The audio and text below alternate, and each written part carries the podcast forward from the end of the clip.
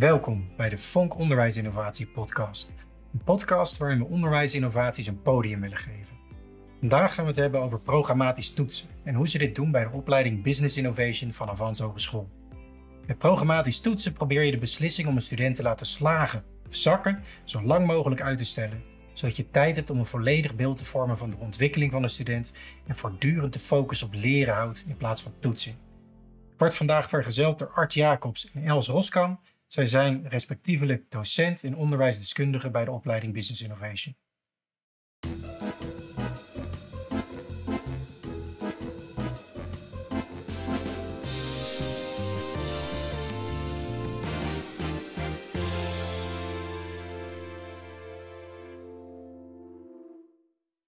Welkom, beste luisteraars, bij de volgende aflevering van de Vonk Onderwijsinnovatie Podcast. We gaan het vandaag hebben over programmatisch toetsen. Een onderwerp dat ik uh, bij heel veel verschillende hogescholen uh, voorbij hoor komen. Er zijn veel mensen mee bezig uh, op dit moment. Ehm, een manier van toetsen die heel anders is dan wat we in onderwijsland tot nu toe gewend zijn. En ik zit hier met twee mensen, twee gasten. Art Jacobs, uh, zelf een beetje een innovator en ondernemer. Volgens mij heb je veel kleine bedrijfjes en creatieve producten. En docent bij de opleiding Business Innovation. En ik zit hier ook met Els Roskamp-Pelgrim. Um, zij is onderwijsdeskundige, onder andere bij AOMI. En dus de opleiding Business Innovation. En zij is ook gepromoveerd op het onderwerp beoordelen van werkplek leren. Heeft raakvlakken, denk ik, met uh, wat we vandaag gaan bespreken. Maar om af te trappen, ben ik uh, benieuwd, Art, of jij uh, iets kan vertellen over waar leiden jullie studenten bij de opleiding Business Innovation eigenlijk toe op? En waarin voldeed, voldeden andere manieren van toetsen, meer conventionele manieren van toetsen, waarin voldeden die niet voor jullie? Ja, nou, om, om bij het begin te beginnen, ehm, eh, in ons beroepsprofiel stellen wij dat een business innovator, de, de bekwame beroepsprofessional waar wij toe opleiden, ehm, op systematische wijze duurzame waarde creëert door middel van innovatie. Nou, best een hoop uh, ingewikkelde woorden, kan ik mij voorstellen, maar um, wat dat in feite betekent is dat wij studenten leren om innovatieve oplossingen te bedenken voor bedrijven, grote bedrijven waar ze werken, overheidsinstellingen of ook eigen ondernemingen, om te zorgen dat zij ja, langdurig een duurzame toekomst tegemoet gaan. En dat kan zijn duurzaam op het gebied van ecologische uh, waarden of sociale waarden, maar zeker ook economische waarden om die toekomst ook te borgen van de onderneming. Ja.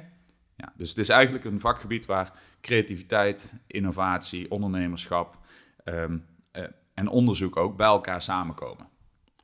En jouw tweede vraag, um, waarom voldeden conventionele uh, toetsvormen niet, weer, niet meer? Nou, een van de dingen waar wij uh, heel erg tegenaan liepen was dat in het eerste jaar alleen al wij zo'n 41 toetseenheden hadden voor 60 studiepunten. Um, dat was zo gegroeid na een aantal jaren en uh, dat maakt niet dat de inhoud van die vakken niet meer, en toetsen niet meer relevant was. Wel degelijk relevant was nog steeds. Um, maar het creëert wel een heleboel ja, chaos um, in, uh, denk ik, uh, de, de, de, de student journey. En daarbij, hè, dus de, de route die de student doorloopt. En uiteindelijk dat toetsen, die toetsen die daarbij horen. En wat je ook ziet is als je zo'n gedifferentieerd vakkenpakket hebt, wat steeds, waarbij steeds zo'n vak met een toetseenheid begint en eindigt. Uh, dat je eigenlijk voor elk vak opnieuw de relevantie moet duiden, dat je dat weer opnieuw moet uitleggen uh, uh, aan de hand van dat beroepsprofiel waar we toe opleiden, om dat doorkijkje te geven naar de beroepspraktijk. En dat, daar was dus een enorme wens naar meer samenhang, zowel in het hele programma van ons curriculum, maar ook dus de toetsing die daar beter op aan moet sluiten om Um, uh, voor de student ook het gevoel te geven dat hij continu weet waar hij zichzelf eigenlijk toe uh, beweegt, die, die bekwame beroepsprofessional. Mooi. En toen kwam je het concept programmatisch toetsen tegen. Els, jij bent onderwijsdeskundige, uh, toetsexpert mag ik wel zeggen. Zou jij iets kunnen vertellen over dat concept? Wat is programmatisch toetsen? Ja, bij programmatisch toetsen uh, probeer je oordeel over de student van zakken of slagen, probeer je zo lang mogelijk uit te stellen. Uh, Art had het net al over 41 uh, toetsmomenten. Dat zijn dus waren allemaal toetsmomenten waarbij je, je zegt tegen de student: je hebt het gehaald, je krijgt je studiepunten. Of je hebt het niet gehaald, je krijgt geen studiepunten. Waardoor het een soort hordenloop of, of EC-sprokkelen wordt. Ja. Uh, uh, en die student alleen maar denkt, telt dit mee, moet ik dit maken? En niet, waar dient dit voor, zeg maar. Dus bij programmatische toetsen wil je zo lang mogelijk gewoon die student uh, aan het leren hebben. De dingen laten doen die nuttig zijn voor de toekomst. zonder de hele tijd te zeggen, gehaald, niet gehaald. Net zoals dat wij in ons werk, ik heb geen leidinggevende die bij alles wat ik oplever zegt van nou, dit was uh, onder de maat, boven de maat. Ik ben gewoon aan het werk en één keer in het jaar hebben wij een gesprek over hoe ik het doe. En daar linkt het een beetje, linkt het een beetje aan. Um, en uh, al die dingen die dan aan het einde beoordeeld worden, worden dan niet allemaal individueel beoordeeld, maar die vormen een beeld van een student waarbij je zegt, hé, hey, die heeft de eindstreep gehaald. En die eindstreep moet je wel goed definiëren. Is dat dan Um, worden al die dingen opgehangen aan de competenties die landelijk zijn of aan de beroepsproducten. Of, dus je moet een raamwerk hebben waar die student dan alles wat hij maakt ja, aan kan ophangen. Zodat hij bewijsmateriaal levert dat hij um, ja, de, aan de competenties voldoet of aan de beroepsproducten voldoet. Ja. En het uitstellen van die beslissingen gehaald, niet gehaald. Um, je zegt ook nog iets anders. Je gaat niet al die producten individueel beoordelen. Dus het is geen gewogen gemiddelde aan het einde van die 41 toetsproducten. Nee, je wil aan het einde niet zeggen een 6 plus, een 8 plus, een 9 plus, een 4. En dan, dat wil je juist niet. Want uh, een student mag ook groei laten zien. Als hij in het begin van de periode waarover je dus uh, uh, aan het verzamelen bent, dingen nog niet kan. Maar je kan ze aan het einde wel. Dan weegt dat veel zwaarder. Want je hebt groei doorgemaakt en het gaat erom dat je het aan het einde wel kan. Ja. ja. Mooi. Wat ik nog uh, wel leuk vind om daar aan toe te voegen, jij zei dat net al even, is, en wij noemen dat ook wel die, die learning flow waar die student in zit, die wel een beetje wordt gebroken als je zoveel kleine uh, toetsmomentjes hebt. Omdat die elke keer die student denkt, oké, en nou moet ik dus uh, voorbereiden voor een toets, of ik moet, dat toetsmoment uh, heeft best wel een gewicht, ook in de beleving van die student, waardoor je soms dus ook echt dat averechts effect heeft op de bereidheid om te leren ja. voor studenten. Um, ja. het, en het traditionele probleem volgens mij dat je vaak een blok hebt. Dat studenten wachten tot de toets eraan komt aan het einde. En dan twee weken voor het einde gaan leren voor de toets. Ja, dat en dat probleem los je deels op in theorie. Door eigenlijk alles mee te tellen in de toetsing. Maar wel uh, er op een holistische manier naar te kijken. En inderdaad de belangrijke dingen een, een, een, zwaarder gewicht in je beslissing te laten nemen. Ja. ja. Um, hoe ben je hiermee in aanraking gekomen, Els? En, en kan je misschien een beeld geven van hoe groot is deze manier van toetsen in binnen- en buitenland? Ja, ja, het is in Nederland ontstaan uh, in 2012. En ik ben er toen ook al mee in aanraking gekomen, want ik was toen aan het promoveren, zoals je in de introductie al zei. Uh, en mijn promotor uh, was Kees van de Vleuten. En dat is een professor die in Maastricht zit. En die heeft met collega's dit concept bedacht. Vanuit het idee dat ieder manier van toetsen die je hebt, een multiple choice of je een groepsproduct of je hebt een open vragentoets, al die toets manieren hebben allemaal voordelen en nadelen. Um, dus je kan eigenlijk niet op basis van één zeggen van oh, uh, Peter heeft zijn meer keuzetoets gehaald, dus hij weet alles over programmatisch toetsen. Ja. Um, uh, dat, die toets heeft ook een aantal nadelen. Dus als je nou niet van iedere toets zegt ja of nee, maar de informatie die daaruit komt koppelt, dan ja, heb je een meer beter beeld van wat jij weet en kan.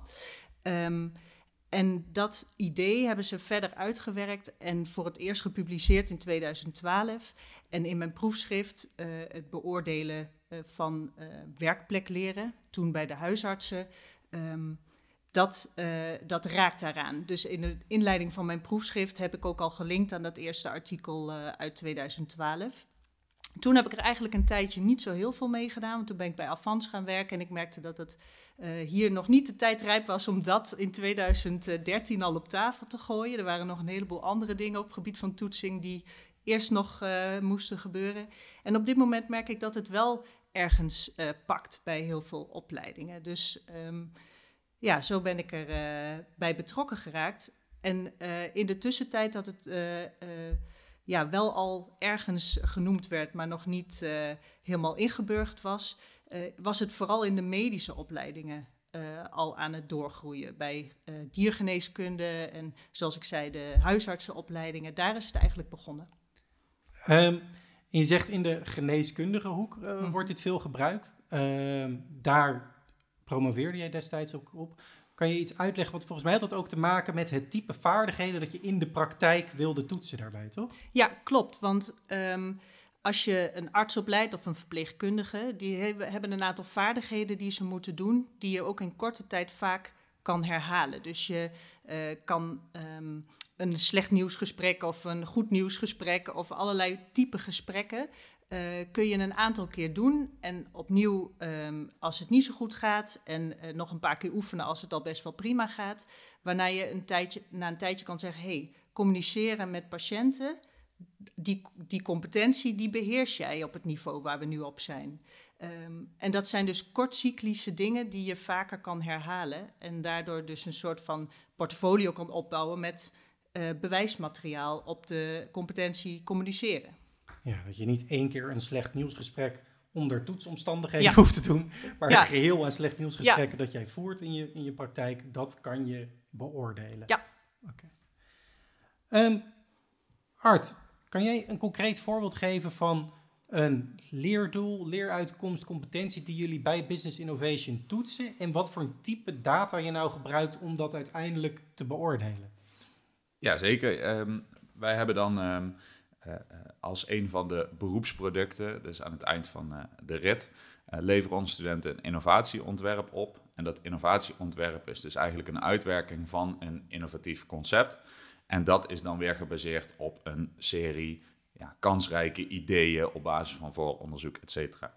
Nou, in het eerste jaar ben ik betrokken bij de module design. En bij de module design hebben we een leerdoel waarbij wij stellen: je bent in staat om in creatieve sessies bijvoorbeeld brainstorms, meerdere keren te divergeren, dus het bedenken van ideeën, en te convergeren, ideeën selecteren of ook creatief en kritisch uitdagen, um, zodanig dat kansrijke en verrassende concepten ontstaan. Dat is een van die leerdoelen. Ja. En de manier waarop we dat dan uh, uh, in het onderwijs hebben ingebakken, is dat studenten uh, een serie, een drietal design challenges doorlopen, waarin ze dus eigenlijk de workshops die waarin ze dus die theorie krijgen over welke technieken je kan gebruiken om ideeën te bedenken en ook technieken om ideeën uit te dagen en te selecteren, dat ze dat toepassen in alle drie die challenges, die eigenlijk een opbouwende mate uh, van complexiteit hebben, um, waarin we dus ook drie keer kijken van nou hoe, hoe verrassend, uh, hoe kansrijk zijn nou die ideeën die daar zijn uitgekomen en is dat gebeurd op basis van dat, ja, uh, die systematiek, het toepassen van die technieken. En omdat dat drie losse momenten zijn, heeft de student dus meerdere kansen zeg maar, om te laten zien dat hij daar uh, bekwaam in is geworden. Uh, zoals Els ook heel mooi zei, het kan heel goed zijn dat de student het aan het begin nog helemaal niet zo onder de knie heeft, maar aan het einde wel. En als hij dat uh, bij de derde challenge goed kan laten zien, dan, dan kan hij dat gewoon halen, ook al ging dat in het begin minder goed. En hoe, welke datapunten verzamel je over zo'n traject? Ja, dus uh, eigenlijk zijn die drie challenges ook uh, de drie uh, nou ja, datapunten leveren die op. Dus die zeggen, daar wordt beoordeeld wat de kwaliteit is van die uitkomst van die challenges. Onder andere op het punt van verrassend en kansrijk. Um, en dat heeft dan natuurlijk van alles ook met de context van die challenge te maken. En tussentijds worden ook, uh, wordt ook inzicht opgedaan in hoe de student met dat onderwerp specifiek aan, uh, uh, aan de slag is gegaan door individuele coachingsgesprekken. En die coachingsgesprekken, daar worden ook um, inzichten over genotuleerd. Dus dat neemt zo'n beoordelaar uiteindelijk, beoordelaar uiteindelijk zowel de uitkomsten van die challenges en dan de individuele gesprekken zijn allerlei datapunten die aan het einde dus input geven voor dat beslismoment. Dus zo'n coachgesprek, uh, daar wordt besproken hoe een student het gedaan heeft. Ja. Maar daar is ook een dialoog gaande. En ja. hoe een student daar reageert, of hij open staat voor dingen, of hij Precies. inzichten opneemt, dat kan je meenemen in je beoordeling. Ja, dus bijvoorbeeld vraag, vraag ik de student ook van, goh, welke technieken heb je nou gebruikt om die ideeën te bedenken? En als een student dan geen technieken kan noemen, ondanks dat wij daar een workshop over hebben gegeven, dat zij, wij ze gewezen hebben op de theorie die daaronder ligt, ja, dan is dat duidelijk een aandachtspunt. En dat Ja. noteren wij. En anderzijds heeft de student daarbij meteen ook het gevoel van, oh, ik wist nog niet zo goed waar dit over ging. Volgende week, volgende challenge, moet ik dat wel weten. Dus daar moet ik mee aan de slag. En jullie zijn nu twee blokken eh, aan de slag met deze manier van toetsen. Merk je iets aan eh, het gedrag of de motivatie van je studenten in deze periode? Ja, zeker. Eh, in ieder geval persoonlijk eh, in de praktijk merk ik daar heel veel al aan. Het is wat lastiger om eh, hoog over te zeggen wat nou het hè, verschil is in kwaliteit hiermee. Maar persoonlijk merk ik dat de studenten dus veel minder bezig zijn met, wa- waar we het ook over hadden, de voordelen van programmatisch toetsen. Van ik, ik rond een vak af, ik heb dat voldaan of niet voldaan en dus kijk ik daar in principe niet meer naar. We kennen allemaal wel het traditionele voorbeeld van studenten die denken, nou, een zes is ook een voldoende. Hè? Dus ja, of ik dat nou goed kan of verder goed kan of niet, maakt eigenlijk niet uit, want de studiepunt is binnen. En dat is nou veel minder in beeld en daarmee ook veel minder aan de orde. Dus dat maakt ruimte voor het echt bezig zijn met wat is die feedback of wat ervaar ik in dat tussentijdsgesprek. Zodanig dat ik daarmee aan de gang kan om dat de volgende keer beter te doen. Dus echt, ik merk ontzettend hoe de studenten veel meer lerend zijn opgesteld in dit eh, proces. Mooi. Ja. Ehm, Els, we hebben het er net al kort over gehad, maar is dit een manier van toetsen die voor elke opleiding geschikt is? En zijn er bepaalde type opleidingen waarvoor dit beter geschikt is of juist minder geschikt is? Ehm, het, is, eh, het is zeker niet ongeschikt voor welke opleiding dan ook. Ik zou nu niet al kunnen zeggen van nou, die opleiding die zou ik het absoluut eh, afraden. Maar het leent zich wel meer voor eh, opleidingen die ehm, van die korte loopjes kunnen maken. Dus zoals ik net het voorbeeld van de communicatie en Art het voorbeeld van design geeft. Ehm, je moet wel de kans hebben om dat wat je moet opleveren een aantal keer te kunnen doen. Als je een accountant hebt die een jaarrekening moet doorrekenen, dat is een proces wat heel lang duurt. Als je dan probeert datapunten te maken, ja, dat zijn meer een soort tussenstappen. Dus dan heb je niet een soort van nog een mogelijkheid om hetzelfde nog een keer te laten zien. Of je doorlooptijd moet veel langer zijn. Dat je zegt, hé, hey, ik stel mijn beslissing gewoon een heel jaar uit. En een student krijgt 60 EC na een heel jaar. Maar daar leent onze ambitie 2025 zich dan weer niet zo voor.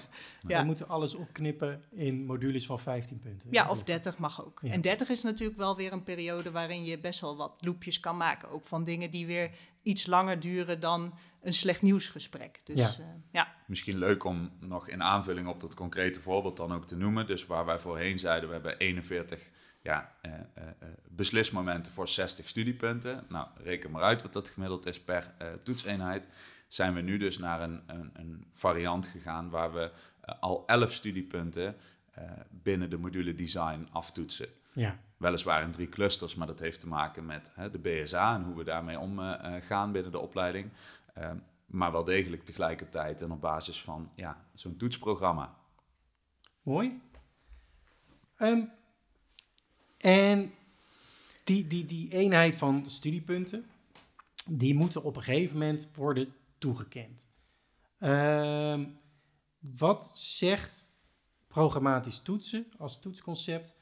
Wat zegt dat over eh, hoe je dat moet organiseren, dat beslismoment? Ja, Eh, dat kan eh, op verschillende manieren. De twee hoofdstromen zijn wel dat er nog eh, een moment is voor de student om iets te presenteren of toe te lichten. Want al die datapunten vormen een soort portfolio, meestal in een digitale vorm. Dus een student kan daar nog laten zien wat zijn hoogtepunten waren. Of een docent kan nog wat vragen stellen. Dat zie je vaak voorkomen. Maar dat hoeft niet. Je kan ook zeggen, een student levert digitaal al zijn datapunten aan. En docenten hebben ehm, in enige vorm een soort rapportvergadering, zoals je het van de middelbare school wellicht kent, waarin ze gaan zeggen, nou, ehm, Art heeft het wel gehaald en Peter moet nog een paar eh, datapunten verzamelen, want die, eh, die kan het nog niet.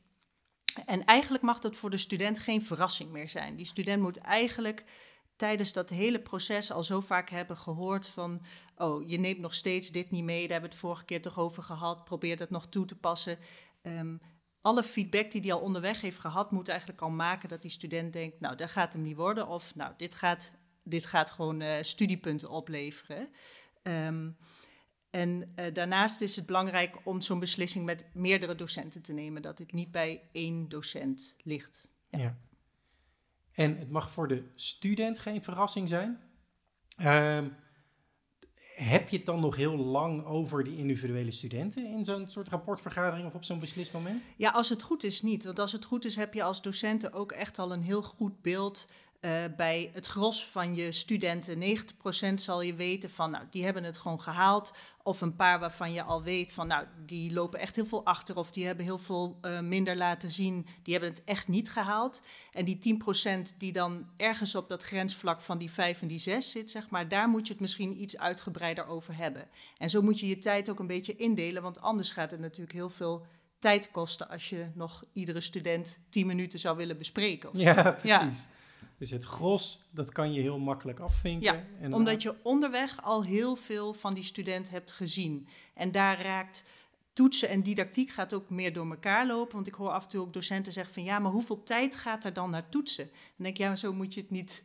Uh, bekijken. want uh, ja, als je ieder feedbackgesprek als een toets, ja, dan gaat er ineens heel veel meer tijd naar toetsen. Maar er gaat ook heel veel meer tijd naar leren. Dus dat is, dat is de opbrengst. Ja. ja. Mooi. Art, hoe hebben jullie dat binnen jullie opleiding georganiseerd? Nou ja, binnen uh, het voorbeeld van, van designmodule bijvoorbeeld, ja. um, gebruiken wij ook dat portfolio. Overigens ook bij de module onderzoek en innovatie. Die drie modules die nou in het eerste jaar met name zo zijn ingericht. Um, uh, daar, daar komt op, ontstaat een portfolio. Dus daar zit het werk in van die design challenges die ze gedaan hebben. Daar zit um, uh, feedback in die ze gekregen hebben van de coach tussentijds en wat ze daar dan mee gedaan hebben. En vervolgens is dan dat assessmentgesprek is een, een, een, bespreking van de, laten we zeggen, met de studenten een gesprek van uh, een half uur, waarin uh, op onderdelen van dat portfolio wordt ingegaan die misschien nog minder sterk uh, ja, bewijs vormen voordat ze die leerdoelen hebben gehaald. Ja. En dat verschilt ook. Bij sommige studenten is dat heel duidelijk een gesprek van nou, vond je het leuk? Want je hebt allemaal het top bewijs gevoerd. Dus vooral leuk om te horen van nou, waar, waar, heeft die student nou heel veel plezier aan beleefd in dit vak? Of waar ziet hij uh, verbeterpunten? Dat soort zaken. Dus dat is ook heel leuk hoe die gesprekken dan van elkaar kunnen verschillen. En anderzijds uh, gesprekken met studenten waarbij je uh, toch veel meer in de richting van een feedbackgesprek gaat bijna. Omdat, ze, um, omdat al duidelijk is dat de norm niet gehaald is op een aantal van die punten. En ook dan je de student natuurlijk weer ja, feedback wil meegeven over hoe die zich richting die herkansing dan kan verbeteren. Um, ja. En hoe, hoe werkt zo'n herkansing? Is dat, moet hij dan de hele module opnieuw doen of kan hij op elementen zijn portfolio aanvullen? Nou, precies dat. We hebben het nou zo ingericht dat we eigenlijk gewoon een vierde challenge hebben geformuleerd. Omdat uh, vaak het uh, probleem blijkt te zijn in het begin dat ze uh, zich niet zo bezighouden met dat verzamelen van dat bewijs. Wat, ook een, ja, wat eigenlijk ook ons op scherp stelt dat wij dat wat zouden kunnen aanscherpen in, hoe, in, de, in de vormgeving van dat portfolio. Um, maar wat maakt dat het ook lastig is om dat uh, dan wel in het portfolio te zetten als dat eigenlijk nooit gedocumenteerd is geweest vanuit een student. Um, en dus dat, die herkansing ja, richt zich eigenlijk op het uh, focussen op leerdoelen die, dus, die dan nog ontbraken in de context van een nieuwe uitdaging een nieuwe design-uitdaging. Ja, klinkt heel passend voor uh, wat Ja, dus wat ik, het, voorstel, het voorbeeld wat ik eerder noemde over dat uh, ideeën genereren en selecteren, uh, dat doen ze dan bijvoorbeeld individueel. Daar mogen ze ook andere studenten bij betrekken. Maar het gaat er wel om dat zij dat proces dan begeleiden. Om dat leerdoel dan nog goed te laten zien, door te laten zien dat ze met verrassende ideeën kunnen komen ja. voor die vierde challenge. Um, het klinkt als een heel mooi concept, maar het klinkt ook als een best wel ingewikkeld iets om te implementeren in je opleiding. Um, Els, ik, ik ben een beetje benieuwd, hoe kant en klaar bestaan hier richtlijnen, instructies voor en kan je het zo één op één in je opleiding overnemen? Of, of waar loop je tegenaan als je dit gaat proberen? Nou, dat wat jij schetst, dat gaat helaas niet. Er is niet ergens een pakket dat je kan ophalen en dan uh, kun je het uh, in je opleiding uh, brengen. Um, het is een concept dat je je als team eigen zult moeten maken. Um, er is een theorie over en daar zijn heel veel wetenschappelijke artikelen en er is ook een boek wel waar je inspiratie uit kan halen, maar je zult het altijd naar je eigen situatie uh, moeten voegen. Uh, zoals ik al zei, de ambitie 2025, die stelt dus dat je ook uh, alleen maar eenheden van 15 of 30 EC kunt doen. Um, dat is een grens die we binnen Avans hebben, maar je eigen landelijke overleg zal misschien ook wat haken en ogen hebben waar je je gewoon binnen moet bewegen. En op die manier moet je de visie van het programmatisch toetsen aanpassen naar wat jouw opleiding daarin kan doen. Um, met wel oog voor ja, het concept zelf natuurlijk, want we hoeven ook niet alles programmatisch uh, toetsen te gaan noemen. Ja. Um, maar je moet het wel met team doen en je moet er wel met z'n allen achter staan. Was dat zo bij jullie, Art? Stonden jullie er ja. met z'n allen achter en waar liepen jullie tegenaan toen jullie hier aan begonnen? Nou ja, zoals je denk ik bij alle uh, verandertrajecten hebt, is er natuurlijk weerstand en, uh, en enthousiasme naast elkaar. Uh, dat was zeker bij ons ook het geval. Uh, wat ik merk is dat de impact op de bestaande situatie enorm groot is. Dus ons curriculum van het, van het hele eerste jaar is op de schop gegaan. Um, dat, dat, dat lijkt heel groot en, en, en uh, dat heeft inderdaad een hele grote impact voor de cultuur. Het vraagt ook van uh, collega's om op een andere manier hun rol in het onderwijs te gaan vervullen. Dus daar is ook heel veel draagvlak voor nodig. En daar gaat heel veel tijd en moeite naartoe. En het stroomlijnen of het uh, creëren van die samenhang, daar gaat heel veel aandacht naartoe. Uh, tegelijkertijd merk ik dat als je dan teruggaat naar de praktijk, dus het uiteindelijk vertalen naar wat doe ik dan op, op, op de werkvloer, zeg maar, als docent. En hoe ga je dat onderwijs, dat curriculum vertalen naar concrete opdrachten voor studenten. Dat er dan veel minder werk hoeft, gedaan hoeft te worden dan ik had verwacht van tevoren. Omdat heel veel van, het, van de bestaande opdrachten uh, gewoon gebruikt kunnen worden. Ja. ja. Je, je gebruikt het gewoon of je kijkt er op een andere manier naar in je beoordeling, maar de opdrachten blijven hetzelfde. Ja, en wellicht wel vaak in een iets andere opbouw uh, en samenhang. Ja. Uh, wij hebben dus bijvoorbeeld ook een heleboel uh, aspecten bij elkaar moeten pakken van die toetseenheden. Wij hebben ook gemerkt dat op sommige vlakken bepaalde vakken minder aandacht krijgen in het nieuwe curriculum dan in het oude curriculum. En daar, ontstaat natuurlijk ook weerstand van collega's die expert zijn op zo'n gebied, uh, die het gevoel hebben dat het onderwijs verschraalt hè, naar aanleiding van, uh, van deze veranderingen. Maar uh, al met al denk ik dat, we, dat je uiteindelijk heel goed kunt komen tot een ja, combinatie van die vakken die al bestaan. want uiteindelijke beroepsprofiel is natuurlijk ook bij, die, bij het ontwikkelen van die vakken in ogenschouw geweest. Ja. Dus die vakken zijn er niet voor niks. Dus er moet een samenhang zijn. Er moet een samenhang zijn. Ja. ja. te benutten. En, en het kan zijn voor opleidingen dat ze dat ook even moeten, uh, opnieuw moeten vinden, zeg maar, hè? Ja. die samenhang. Oké, okay. um, ik ben benieuwd naar jullie dynamiek als docent en onderwijsdeskundige. Um, in zo'n traject, het is natuurlijk een, een, heel nieuw iets. Jij hebt er al ervaring mee. Ik kan me voorstellen bij de opleiding Business Innovation dat je een bepaalde drang hebt om ook nieuwe dingen te doen of zo. Absoluut. hoe, hoe verhielden jullie tot elkaar en, en uh, hoe ging dat gedurende de rit? Ja, ik, uh, die onderwijsvernieuwing bij Business Innovation heeft uh, een aanloop gehad in een soort verkenning. Er is een groep gaan kijken van wat vinden we goed in ons onderwijs, wat vinden we minder goed in ons onderwijs. Um, en dat lag heel erg bij de docenten. Daar was ik eigenlijk gewoon een stakeholder en ze hebben mij geïnterviewd over uh, uh, allerlei uh, nieuwe dingen die er waren. Maar ze hebben heel erg zelf gekeken, wat is goed, wat willen we behouden en wat willen we anders doen. en op basis daarvan kwam het vooral inderdaad, al die toetseenheden willen we niet meer en die hordenloop willen we eruit. En daarbij leek programmatisch toetsen een oplossing. Um, dus we hebben ook altijd gekeken naar het doel wat we willen bereiken. En niet van we willen per se programmatisch toetsen nee. implementeren in de opleiding. En ik denk dat dat de dynamiek wel een beetje is geweest. Jullie liepen tegen dingen aan. En met de ervaring en de dingen die ik van binnenaf weet en buitenaf hebben we altijd gekeken hoe we die knelpunten kunnen oplossen. En niet om een bepaald concept toe te passen. Ja. Nou ja, dat beschrijft wat mij betreft ook precies hoe, hoe Els dan als, als professional zeg maar in elkaar steekt. Want uh, ik denk dat je, uh, je hebt verschillende stijlen. En een andere stijl zou kunnen zijn van uh, programmatisch toetsen heeft bepaalde stramien bepaalde overtuigingen die je dan zou moeten toepassen. Ik denk dat Els heeft heel veel verstand van zaken daarin, natuurlijk ook door alle voorgeschiedenis. En die wist ons continu wel op aandachtspunten te wijzen in dat, in dat proces van veranderen. Zonder dat daar een soort van voorwaarden of eisen aan gesteld werden. Ja. Ook van wat dat betekende voor die inhoud of voor die ontwikkeling. En wat ook leuk is dat Els daar specifiek ook heel geduldig in is geweest, denk ik. Heel knap. omdat dat proces bij ons ook wel een jaar geduurd heeft om, om tot dat programma uiteindelijk te komen. En daar is ontzettend veel discussie geweest. En dan hebben we weer een tijdje echt ons hoofd gebroken over hoe we dat inhoudelijk moesten doen.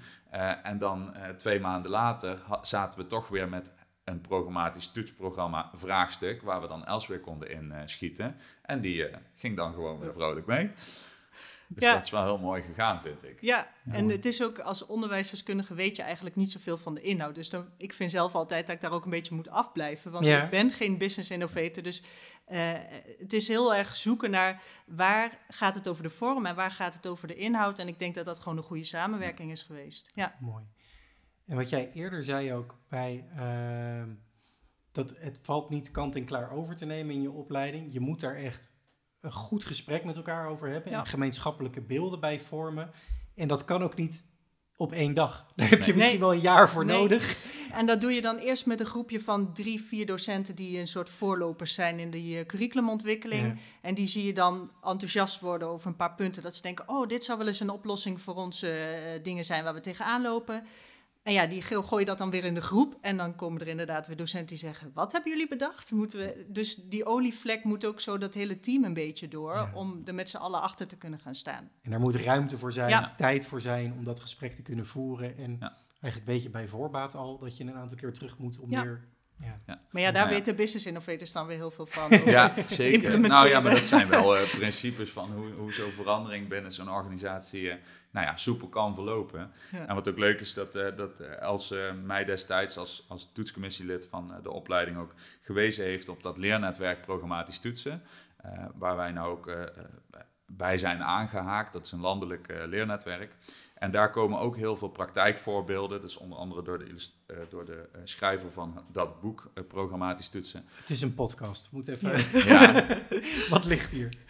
het boek Programmatisch Toetsen met allerlei voorbeelden uit de praktijk van andere opleidingen in, okay. in Nederland.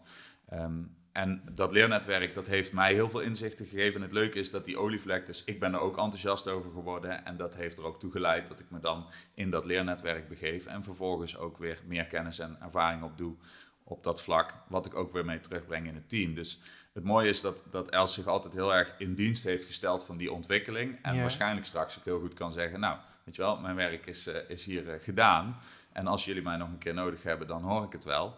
En, uh, en anders dan, weet je wel, zet hem op. Ja, precies. Mooi.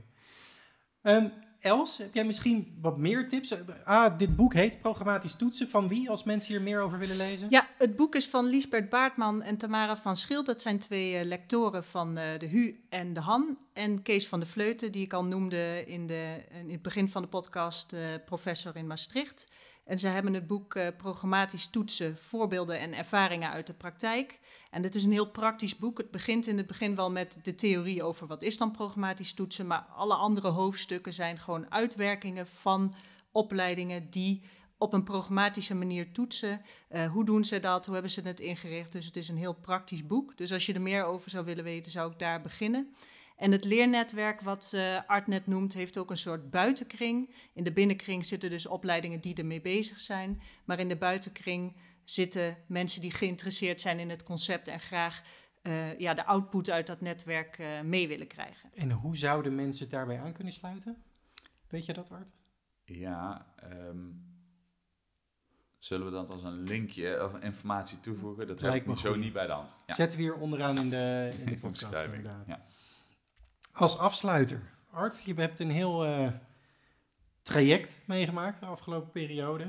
Als je daarop terugkijkt, waar kijk je dan vooral blij op terug? Nou, dat het ons als team dus gelukt is om met z'n allen uh, naar zo'n nieuw programma, een nieuw curriculum toe te gaan. Wat, vond ik al zei, dat de impact toch wel op onze, ja, de manier van samenwerken, maar zeker ook de manier van doseren en studenten op sommige vlakken verandert. Nou, en allerlei knelpunten hebben overwonnen.